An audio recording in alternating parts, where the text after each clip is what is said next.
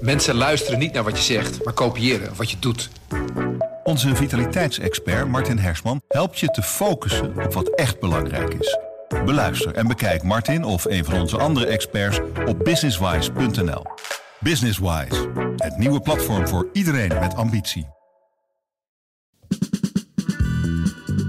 Je luistert naar de verkiezingspodcast Politiek Dichtbij.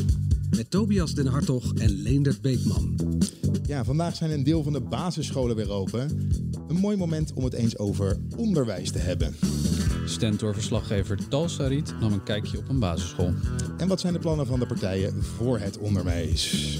Uh, dikke pakken sneeuw buiten en uh, het ijs uh, ja, ligt ook al op de sloot. Dus de grote vraag is, wanneer kunnen we gaan schaatsen en mag dat dan ook? We hebben beperkte uitzonderingen en ook bij het schaatsen, helaas schaatswedstrijden gaan ook niet.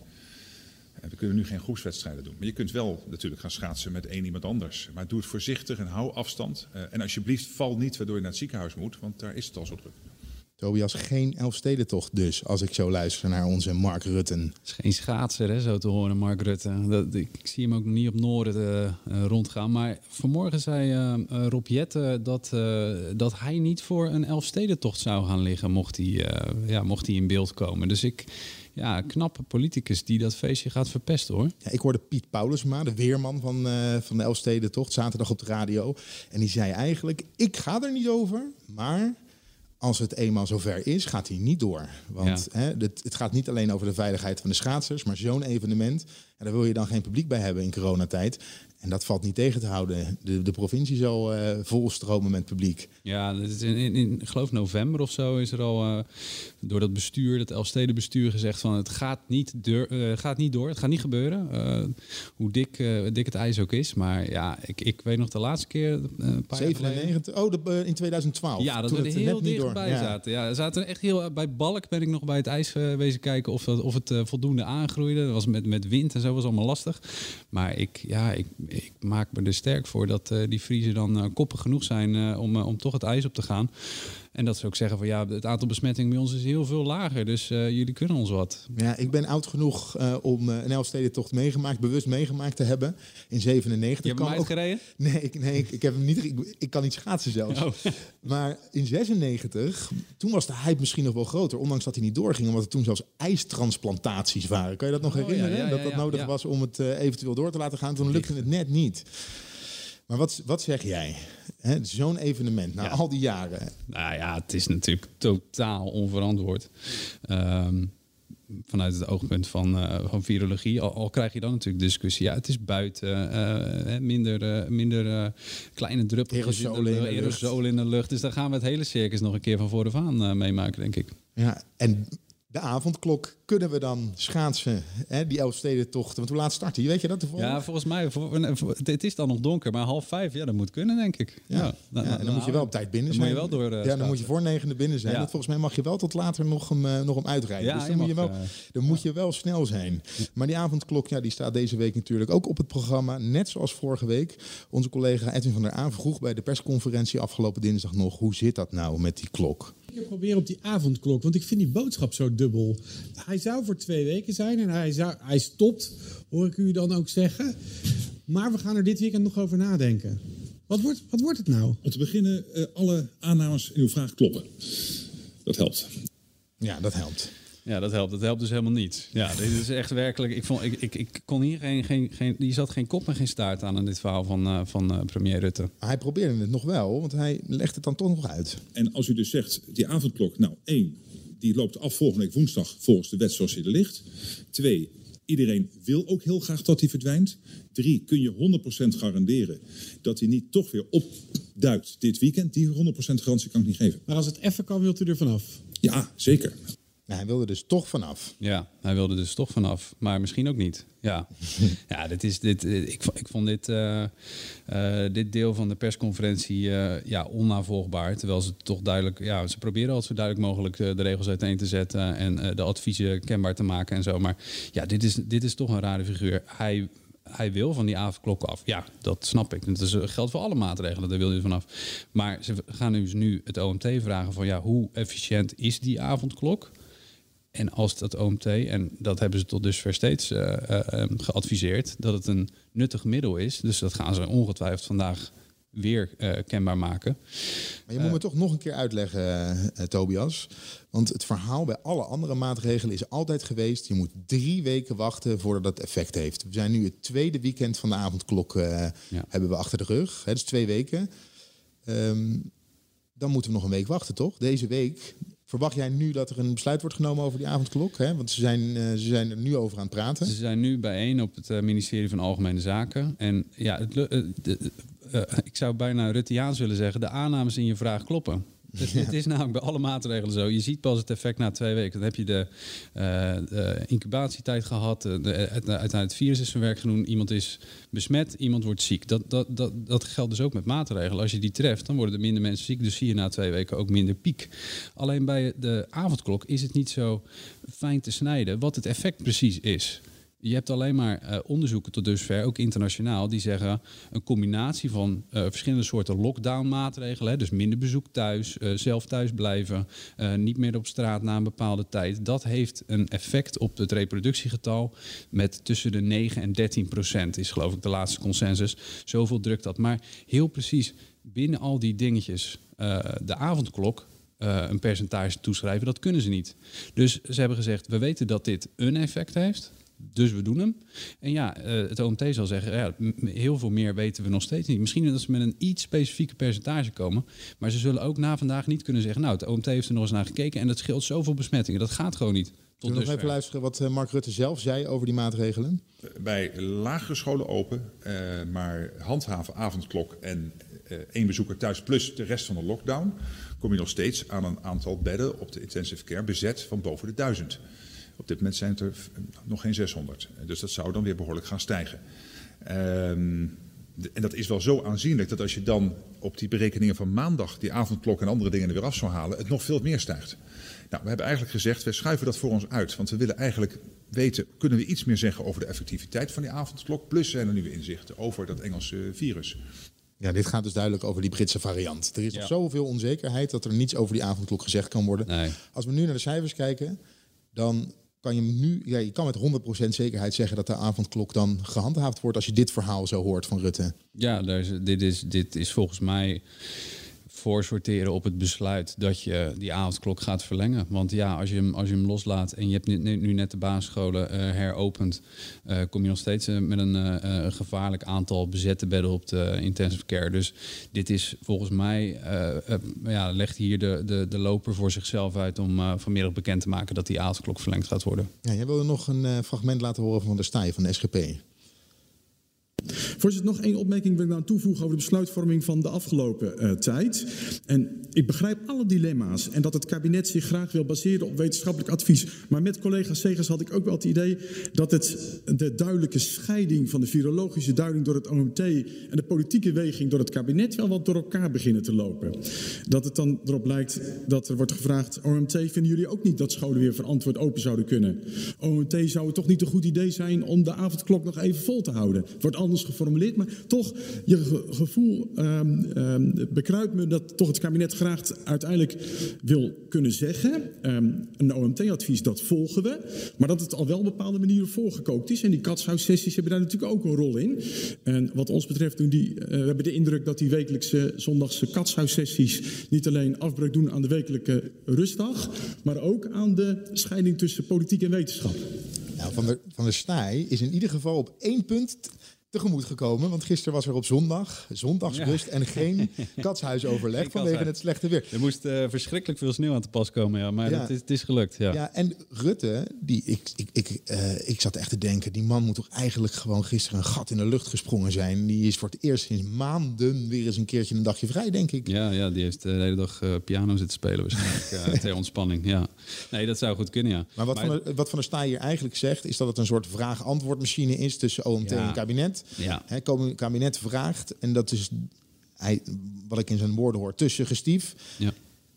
En het OMT antwoordt dan wat het kabinet wil horen. Ja, of zeg, hoor ik dat verkeerd? Ja, nee, dat hoor je goed. En dit, dit, dit raakt aan de pijn uh, bij het OMT. Hè? Er was uh, uh, tot, een, tot een aantal maanden geleden was, het, was de volgorde steeds als volgt. Jaap van Dissel ging naar het katshuis, informeerde de uh, bewindspersonen over nou ja, welke kant het opging met het virus.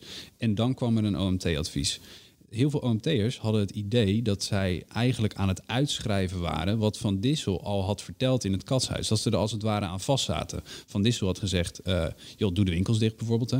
En dat zij daar naartoe moesten redeneren in hun advies. Nou, dat hebben ze op een gegeven moment omgedraaid. Nu zijn ze met het OMT op vrijdag uh, bijeen. En dan op, uh, nou, maken ze verslag op. Dat valt dan ergens zaterdagochtend, vrijdagavond in de mailbox van, van Hugo de Jonge. En dan gaat Van Dissel dat toelichten uh, in het katshuis op zondag. Mhm. en, en zij vinden dat een zuiverder volgorde. Alleen wat het kabinet nu doet, en dat doen ze in toenemende mate, is nog eens een keer een maatregel eruit pakken. In dit geval dan de avondklok. En, en, en vragen van, uh, is het toch niet handig om deze te verlengen? Nou kunnen die virologen, uh, die zijn best wel een beetje bestand tegen uh, druk. druk. Alleen dit is wel de premier die ook zegt: ja, ik wil van die rotmaatregel af. Het is de eerste die in de prullenbak gooit en niemand wil dit ding.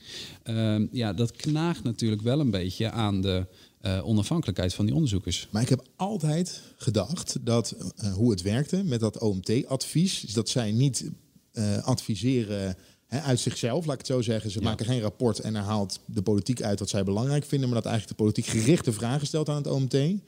En dat ze daar antwoord op krijgen. Dat is net even anders, toch? Ja, dat is wel net even anders. Alleen die vragen, die zijn wel steeds gerichter geworden. En sturender geworden. En, en je zou kunnen zeggen sturender geworden, ja. Ja, en zeker als je, dat, als je jouw vraag... Uh, goh, is die avondklok, wat draagt die bij aan uh, het drukken van de, het reproductiegetal? Uh, dat is een vrij neutrale vraag. Alleen als je die verzeld laat gaan, vergezeld laat gaan van citaten als... ja, het is een rotding en er moet een prullenbak in enzovoort... dan maak je, dat, ja, maak je het misschien wel iets ingewikkelder um, voor die OMT'ers. Ja. Toch wil ik het nog heel eventjes over iets, nou, wel over de avondklok, maar over een ander fenomeen in de samenleving. Ik zie steeds meer mensen die zeggen, die avondklok, dat is uh, zo'n nou, sterk of, of gevaarlijk middel. Uh, dit tast onze democratie aan. Hoe kijk jij daarnaar? Ik vind het namelijk de grootst mogelijke onzin die er maar is. Nou ja, ja ik, ik vind het, uh, het het tast, het tast natuurlijk het vrije leven wel heel erg aan. Ik mhm. bedoel, de, de, dit, is, dit is een ongekende beknotting van, van, uh, van onze vrijheid. Uh, met notabene door een liberale premier die zegt... je mag op een bepaald punt uh, van de dag niet meer in de openbare ruimte komen. Ja, maar dan denk ik, kijk eens naar onze samenleving. We hebben over vijf weken verkiezingen. Nou, vrije verkiezingen past al niet bij een regime... dat niet naar zijn, naar zijn burgers wil luisteren. Uh, als je naar alle peilingen kijkt, staat de VVD, die hè, de, de, aanvoerder van dit kabinet ja. is uiteraard Rutte, ja. staat hartstikke hoog in de peilingen. Uh, en ook het vertrouwen in het coronabeleid, uh, daar staan de meeste Nederlanders nog achter. Ja. Ja, op het moment dat jij een ander idee hebt, dat mag natuurlijk over uh, de coronamaatregelen en hoe het er nu aan toe gaat. Dat kan, alleen het feit, hè, eh, jouw idee hoeft niet per se de waarheid te zijn. En uh, als niet iedereen jouw ideeën deelt en de meerderheid dat niet doet, dan is dat juist een democratisch proces dat gaande is. Hè? De, het publieke debat, zullen we maar zeggen. Ja, ja. Nou ja dat, tuurlijk. Er is ook gewoon, ik bedoel, uh, ga, ga, ga dan verhaal halen bij je, bij je politieke partij in de Tweede Kamer. Want daar is gewoon een meerderheid die heeft ingestemd. En uh, heb je je daar wild aan geërgerd, dan, uh, dan staat je op, uh, op, op, op 17 maart vrij om, om dat te, te, laten merken natuurlijk. Maar ik, ik snap wel het principe, dat zie je ook met die demonstraties. Hè. Ehm, die worden dan, worden dan opgebroken.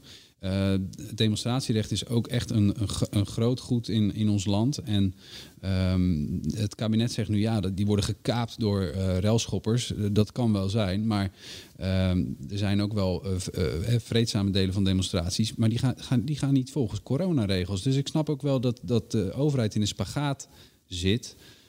Um, ja, maar ook als je naar wat dat doen mensen die op het Museumplein bijvoorbeeld geweest zijn, ja. die gaan foto's delen. Uh, van demonstranten die daar met hartjes zitten en met bloemen en uh, free hugs geven, wat natuurlijk ook al een provocatie is, maar in ieder geval in een soort flower power, liefdeachtige setting daar zijn en zeggen. Ja.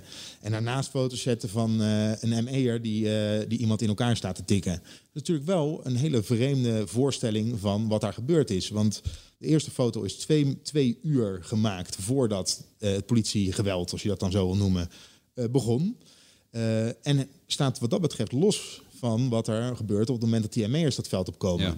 Want een uur lang, eh, en ik heb zitten mee zitten kijken... omdat wij een live verbinding hadden vanaf, eh, met onze eigen cameraman...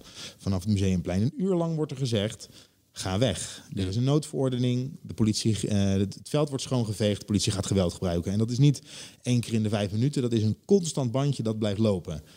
Ja, en op een gegeven moment eh, eh, is er geweld. En dat heeft niks te maken met die mensen die daar twee uur daarvoor vreedzaam aan het demonstreren waren. Dat heeft met mensen te maken die weigeren om te vertrekken. Ja, En dat is een beetje hetzelfde. Jij houdt ook van voetbal, hè? ja, ja zeker. Ja. Ja. Ja, Op het moment dat er voetbalrellen zijn buiten het stadion. Ja. En dan, dan heeft het ook, zou het nergens op slaan om foto's op internet te zetten van kijk eens wat de politie doet. Hè? Die staat hooligans in elkaar te slaan. En binnen in het stadion zitten gezinnetjes gezellig voetbal te kijken. Dat zou ook nergens op slaan. Nee, ja, nou ja, ik, ik heb de handicap dat ik voor Feyenoord ben. En dan, dan word je, dan word je eh, vaak eh, geschaard onder eh, eh, het, de hooligans die eh, het Maas bij Ja, maar jij bent ook kaal. eh, Ja, ik aan dat val je, val je in de risicogroep valt. eh, ja. ik word er zo uitgepikt. Nee, ja, en, en als ik dan langs het... eh, ik, ik was ook wel eens bij, bij de Kuip en dan vliegen de stenen door de, door de ruiten bij, bij bij het Maasgebouw. En ja, dan kom je thuis en dan denk je, ja, hoorde ik nou bij die groep? Ja, dat is... De, de- en het is een lastige... eh, ook al heb ik niet meegedaan, hè. Ik, ben, ik kwam daar voor hetzelfde, namelijk voor Feyenoord. Het lastige is wel dat... eh, en eh, daar heeft eh, minister Graphaus eh, dit weekend ook wat over gezegd... is, die- is die framing, hè, wat jij zegt van die foto's, die, dat wordt vermengd. Soms worden de, het, het ingrijpen van de politie wordt losgeknipt van wat eraan vooraf is gegaan. Er wordt gezegd, nou kijk eens hoe ontzettend gewelddadig het eraan toe gaat. Terwijl wij alleen maar vreedzaam stonden. Hè? Of, of ik heb niks gedaan, zelfs alleen dat argument. Dat is, dat is echt heel ingewikkeld. Dat is gewoon, ik denk ook niet dat je daar een clear-cut oplossing voor hebt. Want niemand wil eh, eh, totaal van het demonstratierecht af. Dat zou, dat zou verschrikkelijk zijn. Dan zouden we echt een stap terugzetten als land, denk ik. Ehm, maar het brengt wel ons, ja, van dit soort lastige vraagstukken met zich mee. Ja. Ja. Je beseft je nu wel dat nu jij gezegd hebt dat je voor Feyenoord bent, we de helft van onze luisteraars kwijt zijn. Hè? Ja, dat is eh, tragisch. Ja, Ja. en als we, we kunnen ze nu allemaal kwijtraken door te vertellen dat ik ook voor Feyenoord ben. Nee, dat was het. Leuk. door over eh, acties en demonstraties. Want voor, we zijn het bijna vergeten, maar voor de coronacrisis werd er ook flink actie gevoerd. Eh, en dat waren eh, door de docenten uit het basisonderwijs.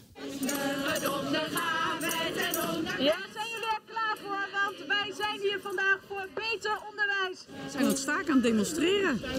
Want het loopt een beetje de spuigaten uit. Het kabinet klooit met ons onderwijs. Daarvoor betalen wij de prijs. Mij gaat het ook vooral om de volle klas. Dus niet zozeer om het geld, maar echt... Ja, als ik kijk, ik krijg straks iets van meer dan 30 kleuters. is gewoon echt eigenlijk te veel. Mannen in Nederland, en natuurlijk ook de vrouwen, het onderwijs is leuk en kom je aanmelden in het basisonderwijs. We hebben een groot tekort. Ja, toen de tijd gingen de onderwijzers de straat op om verschillende, op verschillende punten. Te weinig docenten, te weinig waardering, te weinig middelen in de klas en te lage salarissen. Ja. Toen kwam de coronacrisis en toen werd er gezegd, hè, de leraren, de mensen in de zorg, eh, de vitale beroepen, zij zijn de redders van Nederland. Zij zijn de reden dat eh, ouders gewoon nog naar werk kunnen omdat de kinderen naar de klas kunnen. En, en sommige leraren voelden daarin een soort van spagaat eh, ontstaan. Zo van ja, we hebben net hiervoor nog staan demonstreren voor extra waardering. En eh, nu krijgen we het wel, maar er was wel een coronacrisis voor nodig. En dat eh, was onder andere Esmee Nijboer van basisschool Sint eh, Bernardus in Ommen... die onze Stentor-collega vorig jaar in maart sprak. Ik eh, vind mijn eh, werk natuurlijk zelf altijd belangrijk. Dus dat is, hoef ik niet nog eh, een, een extra bevestiging van te hebben. Maar het is wel fijn als je dat hoort. Dat vanuit de overheid ook gezegd dat wij een vitaal beroep zijn. Het is ook een beetje dubbel, omdat je aan de ene kant zijn wij de laatste tijd als onderwijs natuurlijk best wel veel nieuws geweest omdat we staken. En we vinden dat we meer rechten hebben op, op beter salaris en op een verminderde werkdruk. En dan word je soms niet altijd gehoord, heb je dan het gevoel. En nu word je als onmisbaar eh, bestempeld. Dus dat is dan soms een beetje tegenstrijdig. Ja, Tobias. Ja. Er was wel al wat geld bijgekomen in het onderwijs eh, na de stakingen. Loonsverhoging van 8% uit mijn hoofd, eh, doe ik hem eventjes. Maar eh, een groot onderdeel van die stakingen was waardering en respect voor de docent. Die kregen ze toen wel. Begrijp jij de spagaat juf Esmee hier vertelt? Ja, ik denk wel dat dit, uh, um, dit appelleert aan, uh, aan uh, de zorgen die, die partijen tegemoet, tegemoet willen komen. ook voor de, voor, richting de verkiezingen. meer waardering in, in geld voor de, als het gaat om docenten op de lagere school, kleinere klassen. minder administratieve, administratieve druk. Ehm, dat is, die, die klacht is wel luid en duidelijk ontvangen. Ja, want als je de partijprogramma's doorgaat, ja. dan is er eigenlijk. Uh, in ieder geval de, de, de, wens voor meer middelen wordt door alle partijen onderschreven. Meer waardering zijn alle partijen zijn ze, zijn ze voor. Kleinere klassen zie je ook uh, veel terugkomen. Ik moest erg lachen om uh, de SP. Die gaat namelijk de klassenstrijd aan. voor, voor, voor hoe noemden ze hem nou? Even kijken. Norm, ik heb hem natuurlijk wel opgeschreven. Marxistisch. Ja, uh, de kleinere klassenstrijd gaan ze, gaan ze aan. 23 uh, leerlingen in een klas. Die ja. vond, ik, vond ik erg mooi. Uh, maar extra salaris, zit dat er overal in? Ja, ja, komma, maar. Want dat is wel een beetje een, een, een, een ingewikkeld, ingewikkeld punt. Kijk, de, de, um, uh, alle uh, partijen, uh, bij, bij de PVV heb ik het niet zo specifiek kunnen vinden, maar ik geloof niet dat ze daarop afwijzen. Maar alle partijen uh, grotere partijen die uh, uh, pleiten voor, het, voor meer geld naar de leraren. Um, dan maar... maken ze vooral een koppeling met docenten uit het middelbaar ja, onderwijs. Precies. Hè? Ja, de docenten van de, van de lagere school zouden dan meer moeten gaan verdienen, want die zijn achtergebleven bij die van het, het voortgezet onderwijs. Terecht toch, zou je zeggen? daar is genoeg voor te zeggen, zeker. En, en daarom is er ook, vorige week is er een, een daar, dat heeft niet zo heel veel aandacht gekregen, maar er is een motie aangenomen in de Tweede Kamer van Peter Quint van de SP. En, en die riep op om. en en, en nu, nu moet je een beetje gaan opletten. Dit is een beetje het, het close readen van die verkiezingsprogramma's. Want Quint had een motie die riep op om het, de loonkloof, het verschil tussen wat leraren op de basisscholen verdienen en die op het voortgezet onderwijs en speciaal onderwijs, om die loonkloof te dichten. Dus gelijke monniken, gelijk kappen, gelijk salaris. Nou, de meeste partijen stemden daarvoor, behalve VVD en CDA. En van de kleine partijen dan Forum en, uh, en Henk Krol. Maar VVD en CDA, en dan ga je naar een verkiezingsprogramma, die zeggen inderdaad, ja, een goed salaris zegt het CDA voor leraren. En de VVD zegt meer salaris uh, voor uh, excellente leraren ja, die en ook zo op. Excellente ja. leraren. Ja, ja. Da, da, da, daar is het dus al voorwaardelijk gemaakt. Hè? Je moet daar wel een excellente leraar zijn. Dus ze willen best meer geld voor leraren, maar niet zo, uh, niet zo uh, totalitair, zeg maar, als die motie van de SP opriep. Ja. Dus die, die motie is aangenomen, maar er gebeurt verder helemaal niks mee. Hè? Ik bedoel, deze, deze, de, de minister gaat die, gaat die niet ineens uitvoeren. Um, wat eigenlijk wel hoort bij een motie, maar dat, dat, dat, dat is echt geparkeerd tot, uh, tot, tot na de verkiezingen. Ik moest wel op het moment dat je de VVD hoort zeggen van het gaat excellente docenten moeten beloond worden met extra salaris. Ja. Uh, als je dan naar GroenLinks verkiezingsprogramma kijkt, die zeggen uh, die gelijke kansen zijn er nu niet hè, voor, voor, voor leerlingen. Te vaak bepalen de inkomen, inkomens en opleiding van ouders en de buurt waar je woont de kans die je krijgt.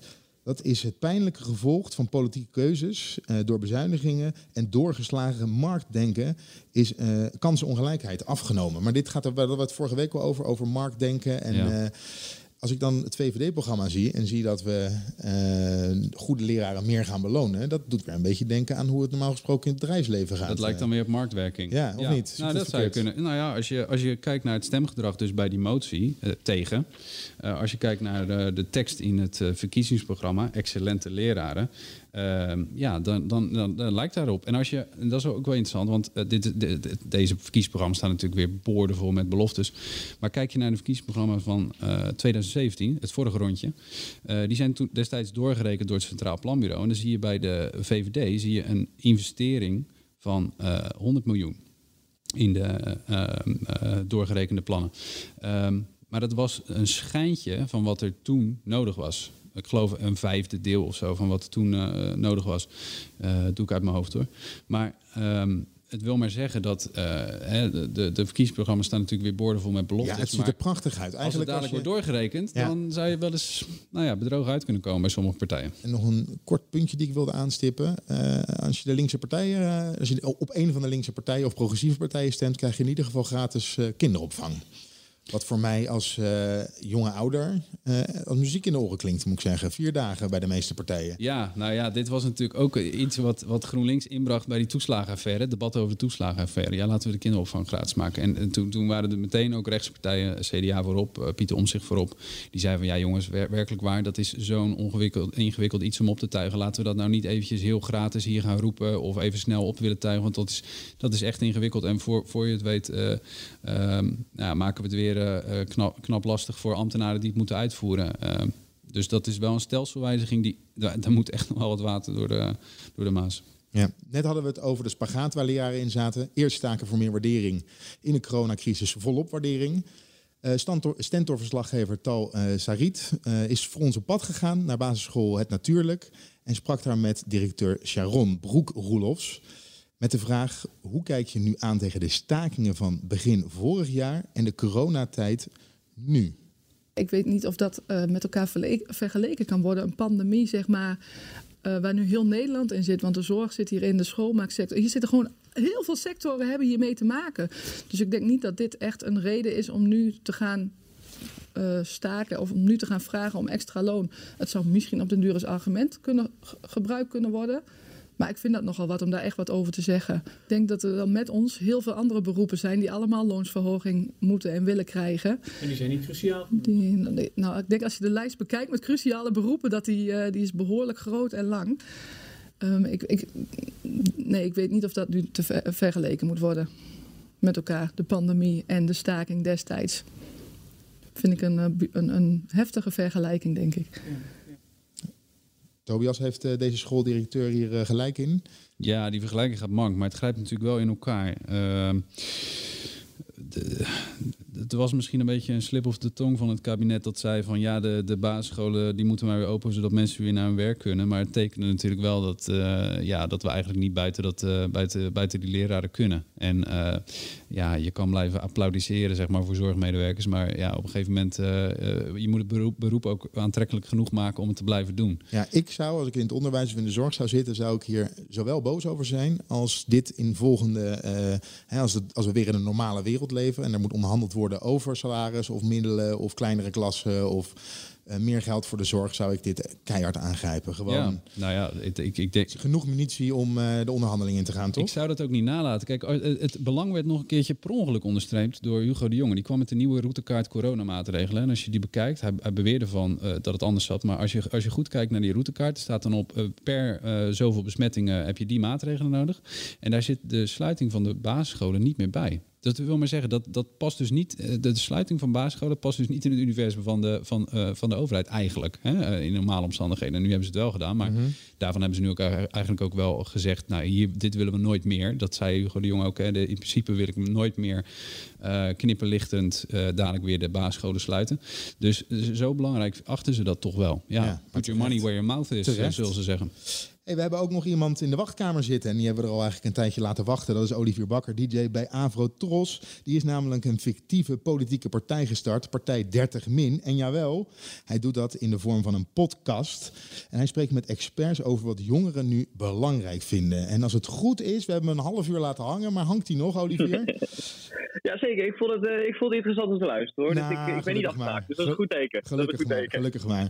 Hey, maar als we nu naar jongeren kijken, we hebben net het basisonderwijs gehad, maar die jongeren die jij gesproken hebt en uh, de deskundigen, wat is voor hen het belangrijkste verkiezingspunt uh, voor 2021?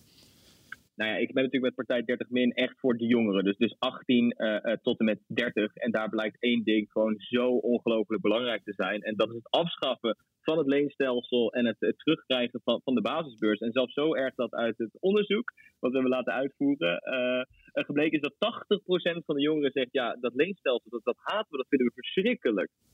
En wie worden daar verantwoordelijk voor gehouden?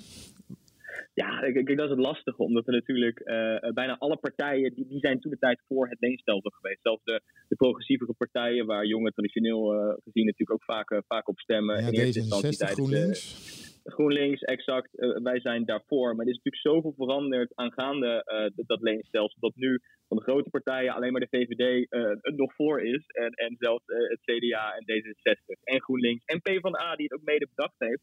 En natuurlijk over, overstag zijn gegaan. Dus ik, ik denk, en dat is een voordeel geweest voor, voor de partijen, dat nu iedereen zo erg omgekeerd is. Dat ik, ik denk dat alleen de VVD nog heel erg uh, als schuldige gezien wordt. Ja, zou je dan kunnen zeggen, um, de VVD krijgt geen stem van iedereen die nu uh, afhankelijk is, uh, zometeen afhankelijk wordt van een basisbeurs? Als hij terugkomt? Ja, nee, dat, ja, dat kan ik me niet voorstellen. Dat kan ik me niet voorstellen. Ook als je ziet hoe groot de VVD natuurlijk nu in de peilingen zit. En ook veel jongeren uh, stemmen er natuurlijk op. En we moeten ook vooropstellen, hè, niet alle jongeren uh, studeren. Of die, die hebben alleen een mbo-studie en gaan daarna gewoon het arbeidsleven in. Dus hebben er veel minder mee te maken. Het gaat natuurlijk ook vaak wel om, om hoge, hogere opleiding als hbo en, en universitair. Waar natuurlijk ja, dat leenstelsel een, een grote impact maakt. Dus ik, ik, ik denk dat in essentie het niet heel erg uit hoeft te maken. Uh, maar als we het echt hebben over studerende jongeren en ook de kloof die ontstaat, want dat zien ze vooral. Hè? Het is gewoon oneerlijk. Je begint uh, je volwassen leven met een achterstand. Je kan moeilijk een hypotheek krijgen. Uh, je ziet dat mensen die uit gezinnen komen waar sowieso het inkomen lager is, veel meer bij moeten lenen, waardoor eigenlijk de schulden zich op gaan hopen en op gaan hopen ja, ik denk toch wel dat een groot deel dan denkt, nou ja, liever niet op de VVD, ook al ben ik het eens met alle andere punten. Ja, het leenstelsel, dat willen we gewoon niet meer. Ja, het wrange is natuurlijk dat, die, dat dat opbouwen van schuld nou een van de uh, argumenten is geweest om, om uh, uh, leenstelsel in te het leenstelsel in te voeren. Hè? Dat, ik bedoel, het was duidelijk dat er. Um, uh, schuld zou ontstaan natuurlijk. Maar de, de, de, de pijn ligt hem nu vooral bij lagere inkomens en middeninkomens. Hè? Omdat die, ja, die inkomensgrens is best, best hoog om, om toch nog wat aanvullend te krijgen. Merk je dat ook? Ja, ja, en we moeten er ook bij zeggen, en daar heb ik ook nog een hele losse uitzending over de woningmarkt. Kijk, het is natuurlijk ook al bijna onmogelijk om in een, een studentenstad nu een, een huurwoning te hebben. Dus als je dat al wil, moet je automatisch al bergen bij gaan lenen om alleen al een, een woning te krijgen. Dus ik denk in een ideale wereld zou zo'n leenstelsel best wel eens kunnen werken. Maar ja, we zitten niet in een ideale wereld.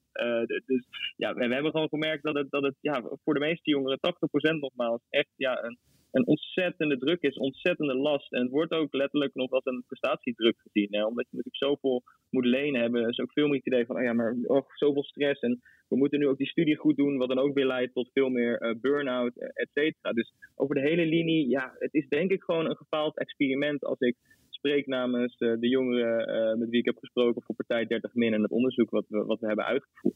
Even over GroenLinks. Die had natuurlijk zo'n proefballonnetje. Die staat nog steeds in het verkiezingsprogramma met 10.000 euro startkapitaal voor 18-jarigen. Die eigenlijk als een soort boemerang terugkwam uh, vanuit de jongeren. Want die zeiden, hey, wat is dit nou voor een gek, gekke manier om onze stem te trekken? Hoor je daar nog iets over terug? Ja, we hebben dat niet letterlijk laten onderzoeken, maar ik vind het wel een hele leuke om elke keer als ik dan ook uh, nou ja, spreek met, met de verschillende jongeren voor mijn podcast, dat naar voren te laten komen. Want het is natuurlijk een prachtige belofte, 10.000 euro. Iedereen krijgt die ook op de 18 en dat is wel belangrijk, want dat vond Jesse Klaver dan met, met een studiebeurs, dat is leuk, maar dat krijg je alleen maar als je studeert. Dit krijgt elke jongere als een, als een, als een startkapitaal. Maar ja, jongeren vinden dit echt, echt onzin. Allereerst geloven ze het niet. Dit gaat gewoon nooit gebeuren. Ten tweede zien ze ook van ja, ik denk dat mijn leeftijdsgenoten en ik zelf ook helemaal niet om kunnen gaan op mijn achttiende met, met zo'n 10.000 euro. En heel vaak wordt ook gewoon gezegd, en dit kwam ook terug uit de jongere partij zelfs van GroenLinks, wat ik dan een bijzondere vind. Uh, van ja, weet je, ga je gewoon focussen op het feit dat die studiebeurs terug moet komen. En die 10.000 euro, dat is een beetje populistisch uh, geneuzel volgens spelen wel hoor. Ja, die studiebeurs komt bij hen wel terug. Net zoals bij uh, de Partij van de Arbeid en zelfs D66, die daar een hele ingewikkelde constructie omheen bedenkt. Met inkomens van je ouders en belastingteruggaves. Uh, het is bijna, ik vind het te lastig om het hier zo in één zin uit te kunnen leggen. Maar linksom of rechtsom komt er wel weer iets wat op een, wat op een beurs lijkt. Worden de partijen die voor, zeker die links-progressieve partijen, die toen de tijd voor die, die, uh, het afschaffen van uh, de prestatiebeurs hebben gestemd en voor het leenstelsel, daar nog op enige manier voor afgerekend? Of iedereen dat weer vergeten? Ja, ik, eh, ik, ik vind dat een lastige. Kijk, ik weet nog wel dat toen de tijd met de invoering ook veel jongeren de straten op zijn gegaan. en ook verschillende protesten geweest. Je had net natuurlijk ook over lerarenstakingen, maar ook studenten zijn toen de tijd echt in actie gekomen van ja, we willen dit niet daar is toen geen gehoor aan gegeven. Maar ja, ik moet ook eerlijk zijn, wat ik net al benoemde, omdat er nu zo'n ommekeer ja, plaatsgevonden heeft. En wel bij de linkse partijen natuurlijk ook al een aantal, aantal jaar, uh, nou ja, D66 natuurlijk ook later overstag gegaan.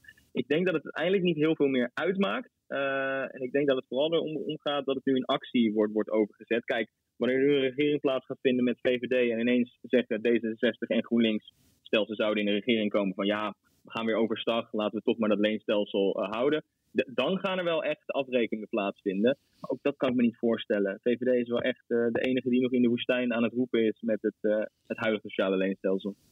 Hey Olivier, in jouw podcast Partij 30 Min komt er meer aan bod dan alleen maar het onderwijs. wat, valt er, wat vond jij zelf het meest opvallende wat jij uit deze reeks gehaald hebt? Of wat, jij, wat je opgedoken hebt rondom de jongere? Ja. Ja, nou, ik vind sowieso, kijk, wat altijd een soort mythe is, en dat proberen we ook te ontkrachten bij Partij 30 Min, uh, dat jongeren over het algemeen uh, links zijn. Dat is natuurlijk gewoon de grootste, grootste onzin uh, die er is, want daar is net zo'n verdeeldheid. Kijk, jongeren over het algemeen misschien wat progressiever, maar kijk naar Forum voor Democratie, natuurlijk ook een gigantische achterban wat betreft jongeren hebben. En dat vind ik ook leuk, leuk om te zien in, in, in wat er naar voren komt. Wat mij het meest opviel was in de aflevering over klimaat, dat echt heel veel jongeren het probleem zien van klimaat. En we moeten daar iets aan doen. Maar toen we vervolgens uit het onderzoek hebben gevraagd van ja, maar wil je zelf ook dingen aanpassen in je leven? Kan je dat? Uh, toen was eigenlijk het antwoord ja, nee, dat vind ik wel moeilijk. Ja, ik zou natuurlijk wel minder vlees kunnen eten. Ik zou natuurlijk wel minder kunnen vliegen. Maar ja, ik denk dat dat in de praktijk uh, niet lukt. Want dat is ook opvallend, want het laat zien hoe belangrijk ook gewoon overheidsingrijpen eigenlijk is in, in die crisis. En hoe erg jongeren daaraan vasthouden in plaats van nou ja, zelf grote, grote stappen nemen. Ze vertrouwen vooral op ja, laten we ervoor zorgen dat de overheid ervoor zorgt dat, dat de luchtvaart schoner is. Dan zijn wij helemaal tevreden. Maar ja, minder vliegen. Wij willen ook gewoon een leuke zomervakantie. En ik snap dat ook, weet je. Ook dat is belangrijk. Maar ja, Tobias en ik zijn allebei uh, 30-plussers. Uh, Tobias, ik spreek even voor mezelf. Uh, ik heb het gevoel dat onze generatie veel minder bewust met, het met klimaat en met, met, met, met duurzaamheid bezig was dan de generatie van nu. Als je nu ziet hoeveel toch vegetarische, hoeveel jongeren vegetarisch zijn geworden, de klimaatstakingen die we gezien hebben, is dat iets wat bij mij leeft of denk je ook dat dat veranderd is? Uh, nee, ik denk dat, ik denk, ik denk dat we, uh, het, het, het, narratief is natuurlijk ook dat wij, de generaties voor hen, het feestje uh, hebben verpest of aan het verpesten zijn voor hen die na ons komen. Dus het, het, dringt zich natuurlijk nog veel meer op voor in hun levens dan, dan, dan bij de generaties hiervoor. Is dat zo, Olivier? Want ik heb altijd het gevoel dat die jongeren vooral de babyboomers daar de schuld van geven. En daar hoor ik niet bij, dus dat voelt altijd goed. nou ja, ik denk vooral dat het meer op het oppervlak gekomen is, omdat we nu hebben, of die nou in Oost-Europa zitten, of die nou in Zuid-Amerika zitten, of in de Verenigde Staten tot voor kort, uh, die echt uh, heel erg hard zijn tegen klimaatmaatregelen, maar het zelfs vaak ontkennen. En dat daardoor de jongeren dachten van, hé, hey, maar wacht eventjes, uh, dit is niet de bedoeling. En, en wakker zijn geworden. Ik denk dat dat ook heel erg mee heeft gaan spelen. De polarisatie is natuurlijk daardoor groter geworden. Maar ja, als er een grote tegenroep is die zeggen, ja, klimaat is onzin, bestaat niet, of we hoeven daar niet veel aan te doen, is een natuurlijk proces. Dan krijg je automatisch ook een grotere uh, tegenroep met natuurlijk mensen als Greta Thunberg die daar nou ja, vooraan zijn, uh, zijn gaan lopen. Dus ik denk vooral dat het ook zichtbaarder is geworden doordat er ook een grotere tegenstem is geweest nou ja, ook genoeg uh, mensen van boven de 30 die maken zich natuurlijk uh, zorgen ook om hun eigen, om hun eigen kinderen en, en, en hun kleinkinderen. Dus ja, ik, ik denk dat dat vooral meespeelt dat we gewoon activistischer zijn geworden doordat de andere kant dat ook is geworden en je dus ja, twee kampen hebt, om het zo maar te zeggen. Hey Olivier, jij gaat vandaag voor Afrotos beginnen. Vandaag de eerste podcast uh, online van partij 30 Min, waarin je eigenlijk alles bespreekt wat belangrijk is voor jongeren rondom de verkiezingen.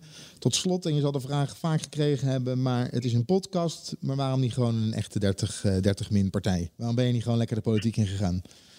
Ja, nou ja, god, dat is, kijk, ik, ik ben allereerst gewoon een mediamaker en, en ik vind dat heel erg leuk. Ik denk dat ik niet geschikt ben om, om zelf een politicus te worden.